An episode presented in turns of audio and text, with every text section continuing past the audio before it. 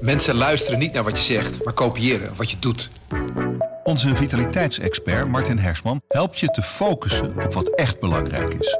Beluister en bekijk Martin of een van onze andere experts op businesswise.nl. Businesswise, het nieuwe platform voor iedereen met ambitie. Dit is de AD Nieuws Update met Jelle Akerboom. Nederlanders vinden het steeds lastiger om zich aan de corona-basisregels te houden. Dat blijkt uit de nieuwste gedragspeiling van het RIVM.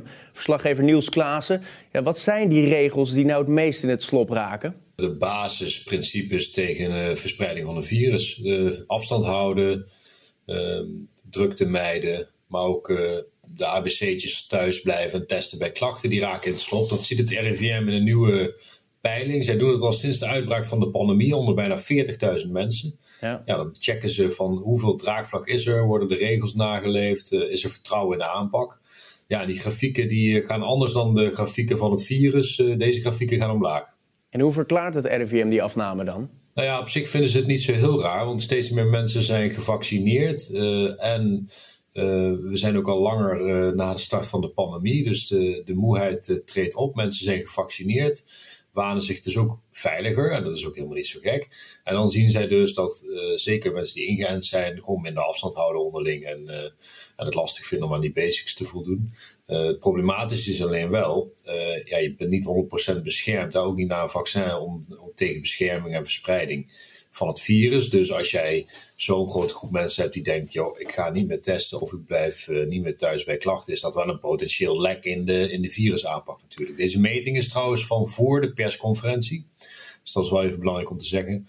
Dus als je het hebt over uh, uh, bewustzijn en draagvlak en zo, dan kan dat nog wel wat veranderd zijn. Nee, maar als je zo'n zo'n peiling zo ziet, Niels, dan kan je natuurlijk wel afvragen wat zo'n persconferentie doet. Zijn daar zorgen over? Ja, natuurlijk zijn er zorgen over, zeker ook op het Binnenhof. Want ze weten daar ook, eh, epidemiologen weten net zo goed als ministers, als het vertrouwen laag is en het draagvlak laag, dat het natuurlijk veel moeilijker is om een, eh, om een effectief beleid te voeren. Maar ja, het is ook niet zo gek. Ze hebben versoepeld eind september. Uh, dit duurt al uh, 18, 20 maanden zo, deze crisis. in golven, dat weten we allemaal. En nou ja, na september zou het toch eigenlijk allemaal open zijn. De vaccinatiegraad is super hoog, 85 procent. 87% zelfs de eerste prik. Dus ja, mensen hadden ook het idee, ik ben er wel klaar mee, letterlijk en figuurlijk. Uh, kunnen we dit niet achter ons laten? Nou ja, dat zit ook een beetje in deze gedragsmeting. Uh, de onderzoekers zien wel dat er wat meer draagvlak is voor ingrijpen. Dus blijkbaar vond een groep van de mensen toch niet, of toch te los hè, na de laatste versoepelingen. Nou ja, daar komt de persconferentie van dinsdag wel uh, als geroepen voor hen. Volgens mij is die groep nu 40% of zo groot. Die zegt, ik wil extra ingrijpen. Dus dat zou dan nog wel een goede basis kunnen vormen voor het kabinet. Dat toch een beetje zit te zweten, denk ik, als ze dit soort cijfers zien. Ja, je benoemde ook al het vertrouwen in de Nederlandse corona-aanpak. Dat is ook onderzocht. Uh, is dat ook die dalende lijn? Ja, dat is precies de spiegel van de stijgende lijn van de curve, namelijk uh, een rechte lijn naar beneden. Zeker sinds maart 2020, hè, toen was het ongeveer 70% van de mensen die ze bevroegen was uh, zeer positief over de aanpak. Nou, het was echt die eerste fase, die crisisfase, waarbij misschien zelfs veel angst was en paniek bij mensen. Nou ja, dat was een heel grote steun. Nou, die, uh, die curve is gestaag gedaald en nu is nog 28% van de mensen positief over de aanpak uh, van het Nederlands kabinet. Ja, dat is dus een flink stuk minder. Ja, dan is de vraag, is het nog te doen om dat vertrouwen en het naleven van die basisregels op te krikken? Ja, die eh, gedragsonderzoekers die, die stellen dat gewoon een aantal dingen dan belangrijk is. Um, er is verwarring over de regels. Dat is nooit goed, want uh, ja, als je uh, gedragsregels of adviezen of als je maatregelen invoert, moet er gewoon duidelijkheid zijn. Wat moeten we nou doen? Ja, daar ontbreekt het aan volgens dit onderzoek. Mensen vinden het in grote getalen toch verwarrend. Wat is nou precies welke regel? Wanneer geldt die? Geldt die wel voor mij? Geldt die alleen voor anderen? Ik ben gevaccineerd. Ja, dus deze de hoofdonderzoeker zei tegen mij, je moet daar echt wel wat winnen. Dan kun je gewoon door beter te communiceren, duidelijk te communiceren, kun je daar nog... Uh, kun je daar nog wat uh, draagvlak herwinnen. En verder vinden mensen belangrijk dat het eerlijk is en rechtvaardig. En dat het een beetje de lasten eerlijk verdeeld worden. Dus zodra je maatregelen neemt die heel erg slechts één groep of één deelbelang of één sector of zo dan vinden mensen het niet meer te volgen en niet meer rechtvaardig. Dus het moet eerlijk en begrijpelijk zijn en duidelijk. Nou ja, dat is het blijkbaar tot nu toe uh, voor deze groep uh, gepelde mensen niet geweest. Dus daar is nog een hele wereld te winnen, ja. Jouw uitleg is heel duidelijk. Niels Klaassen, dankjewel voor je uitleg. Het is dag 6 van de klimaattop in Glasgow. En vandaag komt Oxfam Novib met een rapport over mondiale CO2-uitstoot. Want hoe zorgen we ervoor dat die uitstoot zoveel lager wordt... dat de opwarming van de aarde in 2030 niet meer dan anderhalve graad is? Hilde Stroot, jij bent klimaatexpert bij Oxfam Novib. Wat blijkt er uit jullie rapport? Nou, we hebben onderzocht in hoeverre we allemaal als mens bijdragen aan die uitstoot. Dus we hebben gekeken naar 2030 hoeveel zou je mogen uitstoten, iedere mens op aarde, dat is 2,3 ton. En we hebben gekeken hoe dan die verdeling is per inkomensgroep. En dan blijkt dat de rijkste 1% op aarde echt ver, ver, ver boven die 2,3 ton zit uh, die zou mogen worden uitgestoten. Gestoten. Uh, 70 uh, ton stoot deze groep uit. Dus die zitten daar zo'n 30 keer boven. En dat moet echt drastisch naar beneden.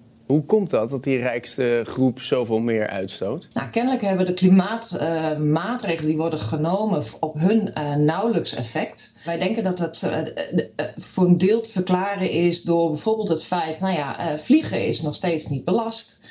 Uh, maar deze groep heeft natuurlijk zelfs privéjets, uh, hebben hun eigen jachten. En uh, de nieuwste trend is zelfs ruimtereizen. Nou, dat stoot allemaal ongelooflijk veel CO2 uit. Dus ja, daar moet echt iets aan gebeuren.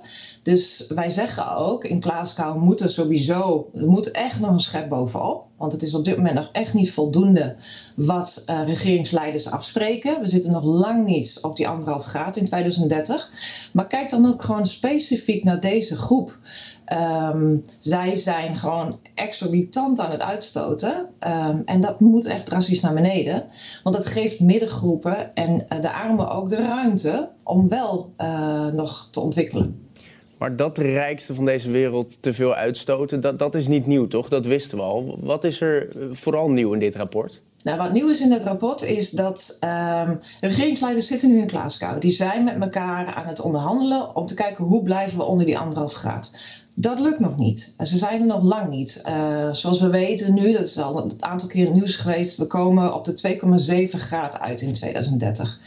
Nou, je zou denken dat met de pakketten van maatregelen die zij voorstellen, um, ja, dit soort excessen van, van uh, de rijken der aarde ook enigszins worden ingedampt. Um, maar dat blijkt dus niet echt uit ons rapport. Je ziet wel dat bijvoorbeeld de middenklasse, uh, 40% mensen die een beetje de middenklasse vertegenwoordigen, daar zie je wel uh, het effect van maatregelen. En die gaan langzamerhand minder uitstoten. Dat is hartstikke goed nieuws. Um, dus het kan.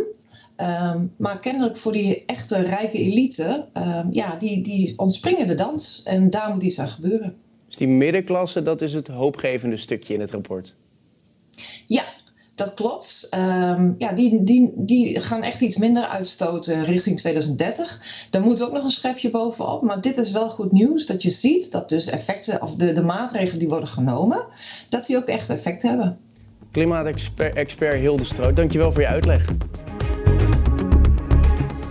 Wegwerkers op auto- en snelwegen zijn hun leven steeds minder zeker. Uit nieuwe cijfers blijkt dat automobilisten dit jaar een record aantal voertuigen van Rijkswaterstaat hebben aangereden. Hugo Durlo, weginspecteur bij Rijkswaterstaat, goedemorgen.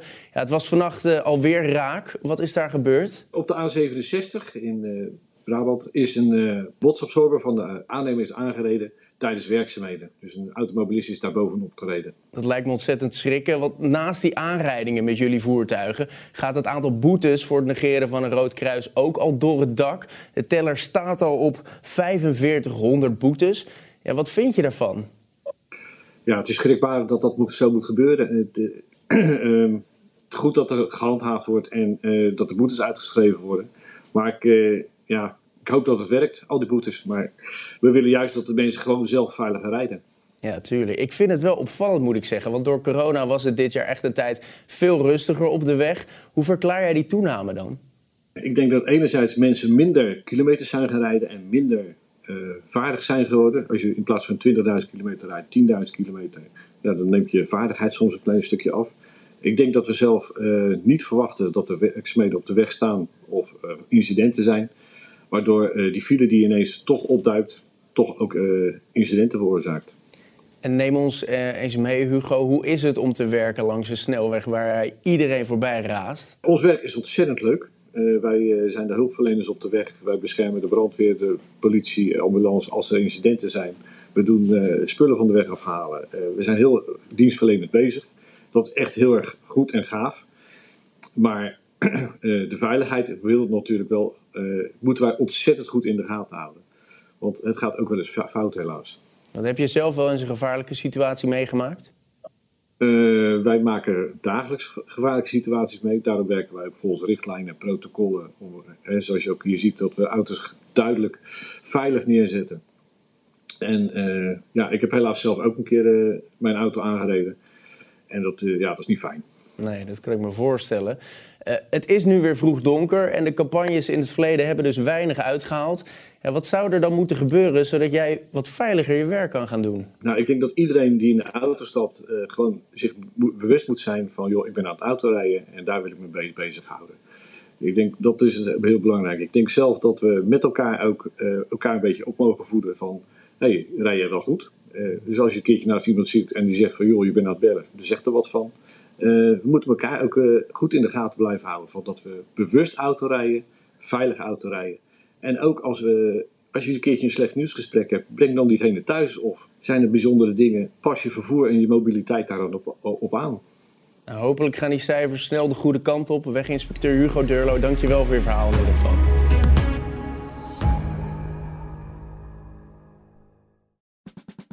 Luister ook naar onze podcast Politiek Dichtbij. In een half uur praten we hierbij over de stand van zaken op het Binnenhof. En niet alleen vanuit de wandelgangen in Den Haag, maar ook vanuit een regionaal perspectief.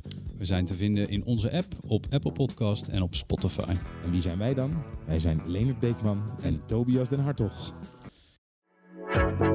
Een goede spreker herken je aan de Q&A aan het eind. Onze lifehack-expert Martijn Aslander geeft je adviezen waar je echt wat aan hebt. Beluister en bekijk Martijn of een van onze andere experts op businesswise.nl. Businesswise, het nieuwe platform voor iedereen met ambitie.